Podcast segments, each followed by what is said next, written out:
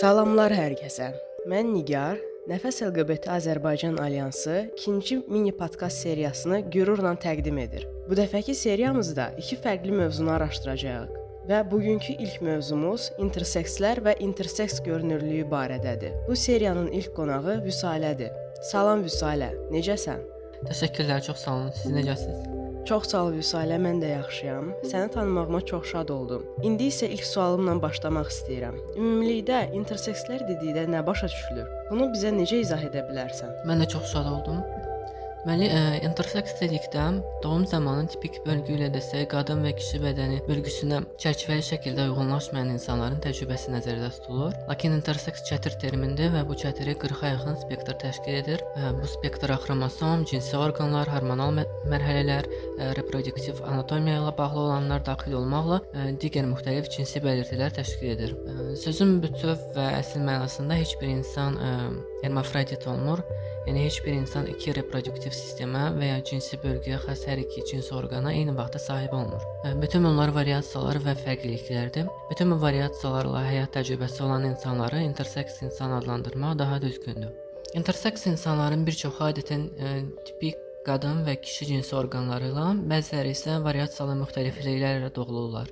Yəni interseks sözü cinsi bölgünə əsas götürərək hər iki cinsin orqanları ilə doğulan mənasında deyil, Tipik bölgüdə müxtəlif cür fərqlənən saysız variasiyalarla doğulan insanlara aid termindir. Bəzən intersekslər üçün hermafrodit ikicinsli kimi ifadələrdən istifadə olunur, lakin bu nə intersekslər, nə də onları qəbul edən insanlar tərəfindən qəbul olunmur və adətən bu təhqir kimi ə, qəbul edilir. Interseks bədənə sahib olmaq heç də həm inkişaf etmiş penisə, həm də vaginaya sahib olmaq mənasına gəlmir bu şəxslərə görə fərqlilik göstərir. İlk də başlanğıc söz mifologiyadan gəlir. Intersekslərin demonizasiya olunması üçün istifadə olunması güman olunur. Çox təəssüf ki, bir çox interseks bu təhqirin təbii mənbələrdə istifadə olunması ilə rastlaşıb. Tibdə də intersekslər üçün istifadə olunan digər geniş yayılmış ifadə disorder və yaxud difference of sex development Yəni cinsi inkişaf pozğunluğudur.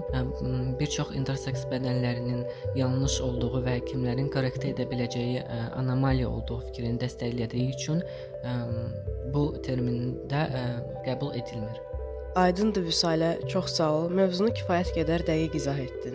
Bəs belə bir şey əlavə edim ki, LGBT icması nə qədər LGBT-ləri daha asan qəbul etsə də, geri qalan daha marginal queer icmaları qəbullanmaqda çətinlik çəkir və intersekslər bəzən nəinki yalnız sosium tərəfindən qəbul olunmur və şiddətə məruz qalır. Həmçinin icma daxilidə onlara qarşı fobiya var. Bu haqqda nə deyə bilərsən?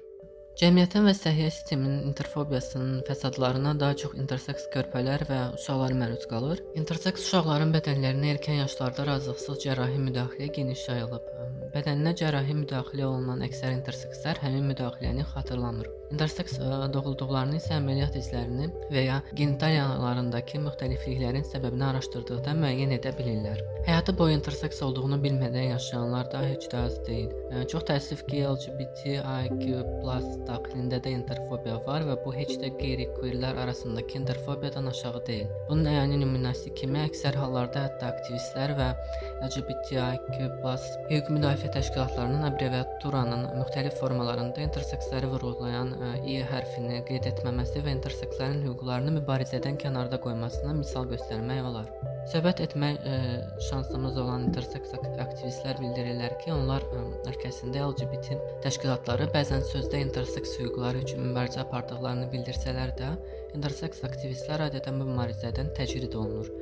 Məhz bu təcridlərin və seqreqasiyanın nəticəsidir ki, interseks aktivistlər adətən LGBTIQ+ hüquq təşkilatları deyil, yalnız interseks hüquqlarının müdafiəsinə fokuslanan təşkilatlarda fəaliyyət göstərməyə üstünlük verir və həmin təşkilatlara daha çox etibar edirlər. Aydındır və kifayət qədər üzücü haldır ki, intersekslər icma daxili fobiya və seqreqasiya ilə üzləşir. Bəs hüquqi müstəvidə intersekslərə münasibət necədir? Bu haqqda nə danışa bilərsən? Hər kəsin ə, şəxsi həyatına hörmət edilməsi hüququ var. Ə, Avropa Birliyinin Fundamental Hüquqlar Xartiyasında maddənin 7-ci maddədə və Avropa İnsan Hüquqları Konvensiyasında 8-ci maddədə ə, bu göstərilib. Gender kimliyi şəxsin öz imicinin formalaşmasında çox ə, e, önəmli bir ünsürdür və intersekslər hamı kimi hər hansı bir ayrı seçkiliyi olmadan ədalətli və sadə bir şəkildə genderin hüquqi tanınmasına, çatmaq azadlığına və ə, e, hüququna sahibdir. Asiya Pasifik Forumunun İnsan Hüquqları Departamentinin rəyinə əsasən çox az ölkə interseks ə, e, insanların hüquqlarını tanıyır. Bu hüquqların əsasını interseks insanların da digər kişi və qadınlarla eyni hüquqlara sahib olması təşkil edir. Argentina, Malta, Danimarka, Norveç, Kolumbiya, Ekvador və İrlandiya kimi ölkələrdə də sadə ə, administrativ prosedurlardan sonra sənədlərlə gender markerini dəyişməyə icazə verilir. Lakin mənfi halların rastlandığı ölkələr sayca qat-qat çoxdur. Avropa ölkələrinin bir çoxunda, o cümlədən Vyetnam, Tayland kimi ölkələrdə sənəd dəyişdirilməsinə yalnız əməliyyat sonrası icazə verilir. Yerdə qalan ölkələrdə ümumiyyətlə interseks insanların sənəd dəyişməsinə icazə verilmir. Birləşmiş Krallıqda isə bu icazə interseks insan özünü ə, e, transgender kimi identifikasiya etsə və transseksualizm e, dırnaqarası diaqnozu alsa verilir.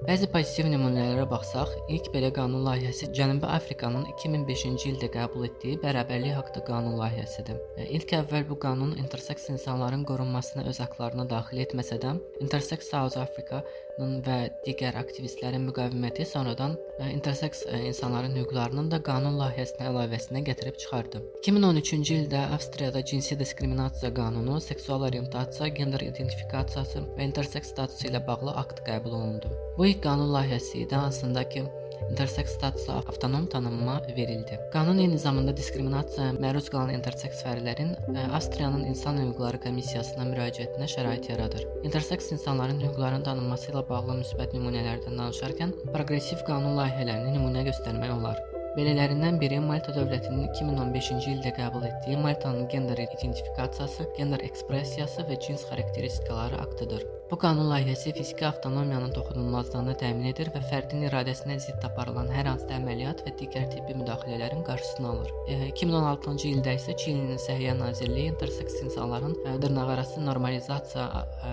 adı altında aparılan bütün tibbi müdaxilələrin saxlanılması və qadağası üçün protokol imzalayıb. Dünyanın müxtəlif ölkələrində intersekslərlə bağlı qanunları duymaq çox maraqlı idi. Bəs Azərbaycanda necə? Ümumilikdə ölkədəki intersekslərin vəziyyəti nə yerdədir?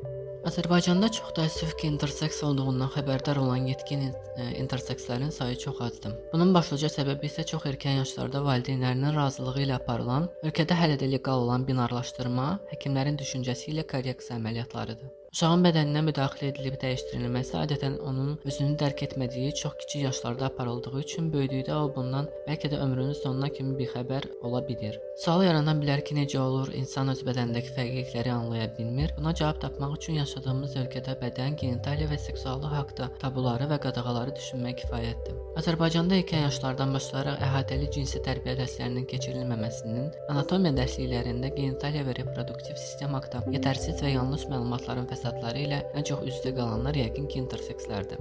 Az öncə interseks uşaqların bədəninə razılıqsız müdaxilədən bəhs etmişdik. Bununla bəlkə də bir çoxumuzun qarşısına çıxan bir e, nümunəni misal göstərmək istəyirəm. Təxminən 3-4 il bundan əvvəl Azərbaycanda fəaliyyət göstərən tibb müəssisələrindən birinin sosial media hesabında qürurla paylaşım olunmuşdu ki, e, orada valideynlərin də istəyi ilə 3 yaşlı interseks uşağın bədəninə müdaxilə edilərək genitaliyasında dəyişiklik edilib. Onlar bu xəbəri paylaşarkən onun genitaliyasında anomaliya ilə dünyaya gələn oğlan uşağı olduğu və bu anomaliyanı aradan qaldıraraq onun bədənini ə, e, korrektə etdikləri şəklində qürur ə, e, duyulmalı bir nailiyyət olaraq təqdim etmişdilər və vurğulamışdılar ki, Bu ilk belə nailiyyətləri deyil. Həmin xəbərə nəinki yetərli qınaq olmadı, hətta alqışlayanlar da çox oldu. Lakin olmalı olan həmin cinayətin törədilməsində təqsirkar olan hər bir kəsin məsuliyyətə cəlb edilməsi uşağın hüquqlarının müdafiəsi idi. Sizinlə bölüşmək istədiyimiz daha bir həyat hekayəsi bəlkə də ölkə reallığı üçün müsbət nümunə sayıla bilər. Bu Azərbaycanın rayonlarının birində yaşanmış interseks aktdadır. Onun bədəninə müdaxilə olunmamasının səbəbi bəlkə də doğulduğu dövrdə ölkədə intersekslərə tibbi müdaxilələrin yayılmış olmaması idi. Onu və ailəsini tanıyanların bildirdiyinə görə onun cins xarakteristikası ailəsi tərəfindən erkən yaşlarda müəyyən edilib. Lakin buna baxmayaraq onu qadın olaraq böyüdülməsinə qərar verilib və buna əsasən ad verilib. Lakin o böyüdükdə ailənin düşündüyünün əksinə gender ə, e, özünü ifadəsi daha maskulin olub. Rayonda onu erkək flankəs ya da oğlan qız flankəs deyə ə, çağırılmışlar adətən. Deyilənə görə cəmiyyətin mental dəyərlər adı altında qadınlara təyin etməyə çalışdığı qadağalara baxmayaraq, o adətən kişilərlə dostluq edir, çayxanaya gedir, siqaret çəkir, içki içir və cəmiyyətdən tamamilə kənarlaşdırılmayıb. Bəlkə də ölkədə bizim bildiyimiz belə hekayələr çoxdur, sadəcə biz bundan xəbərdar deyilik. Ölkədəki reallıqlar təəssüf doğurur. Son nümunə isə biraz ürəkaçan idi. Bəs ölkədəki hüquq müstəvisində intersekslər necə xarakterizə olunur? Ölkədə ümumiyyətlə interseks hüquqları varmı? Bir başqa sözlə, interseks hüquqları qorunurmu? Azərbaycanda LGBTIQ+ hüquqlarının müdafiəsini nəzərdə tutan xüsusi qanunvericilik sənədi yoxdur. Buna əsasən demək olar ki, lokal hüquq sistemi LGBTIQ+ barəsində laqeyddir. Lakin buna baxmayaraq qanunvericiliyin təhlilinə əsasən bəzi ümumi halları qeyd etmək olar. Azərbaycan Respublikası Konstitusiyasının əsas vətəndaş hüquqları və azadlıqlarının müdafiəsini nəzərdə tutan 3-cü fəsli buna misal göstərmək olar. Daha spesifik qeyd etsək, bərabərlik hüququnun ə, qorunmasını nəzərdə tutan Konstitusiyanın 25-ci maddəsinin 3-cü hissəsinə əsasən dövlət irqindən, etnik mənsubiyyətindən, dinindən, dilindən, cinsindən, mənşəyindən, əmlak vəziyyətindən, qulluq mövqeyindən, əqidəsindən, siyasi partiyalara, ə, həmkarlar ittifaqlarına və digər ictimai birliklərə mənsubiyyətindən asılı olmayaraq hər kəsin hüquq və azadlıqlarının bərabərliyinə təminat verir. İnsan və vətəndaş hüquqlarının və azadlıqlarını irqi, etnik, dini, dil, cinsi, mənşəyi, əqidə, siyasi, sosial mənsubiyyətə görə məhdudlaşdırma qadağandır. Bunun davamı həmin maddənin 4-cü hissəsində ə, qeyd edilir. Orada deyilir ki, heç kəsə bu maddənin 3-cü hissəsində göstərilən əsaslara görə zərər vurula bilməz, güzəştlər və, və ya imtiyazlar verilə bilməz, yaxud güzəştlərin və ya imtiyazların verilməsindən imtina oluna bilməz. Azərbaycan Respublikası Cinayət Məcəlləsinin insan və vətəndaş hüquq və azadlıqlarının əleyhinə olan cinayətləri əhatə edən 21-ci fəsli digər bir nümunədir. Həmin fəsildə yer alan bərabərlik hüququnun qorunmasını təmin edən 154-cü maddədə ə, irqindən, milliyyətindən, din, dil, cins, mənşə, əmlak vəziyyətindən, qulluq qulluq mövqeyindən, əqidəsindən, siyasi partiyalara, həmkarlar ittifaqlarına və digər ictimai birliklərə mənsubiyyətindən asılı olmayaraq şəxsin hüquq və qanuni ə, mənafelərinə zərər vurmaqla şəxsin bərabərlik hüququnun pozulduğu halda qanunvericilik ilə müxtəlif cəzaların tətbiqi qeyd edilir. Bu barədə hələ ki hüquqi praktika olmasa da mülki məcəllənin mülki hüquq pozuntusuna dair maddələrinə maddə 1096 və sonrakıları nəzərdə tutulur. Əsasən LGBTIQ+ və digərlərinə qarşı nifrət nitqinə görə mülki məsuliyyət məsələsi qaldırıla bilər. Qeyd etdiyimiz misallara baxmayaraq qanunvericilikdə gender kimliyi, seksual orientasiya ə, spesifik olaraq qeyd edilmir. Qanunvericiliklə yalnız binar bioloji cinslər tanınır və üçüncü cins olaraq intersekslər kənarda qalır. Intersekslərin öz razılığı xaricində cərrahi müdaxilənin edilib dəyişdirilməsi hallarının aradan qaldırılmasını nəzərdə tutan spesifik bir maddə yoxdur və daha əvvəl sadaqalıqlarımızı əsas götürülərək də interseks hüquqlarının müdafiəsinin təmininə çalışan hər hansı hüquqi praktika olmayıb. Həmçinin həyata və sağlamlığa qarşı cinayət törətmiş şəxsin homofobik, transfobik və ya interfobik niyyətini ağırlaşdıran hal hesab edilmir.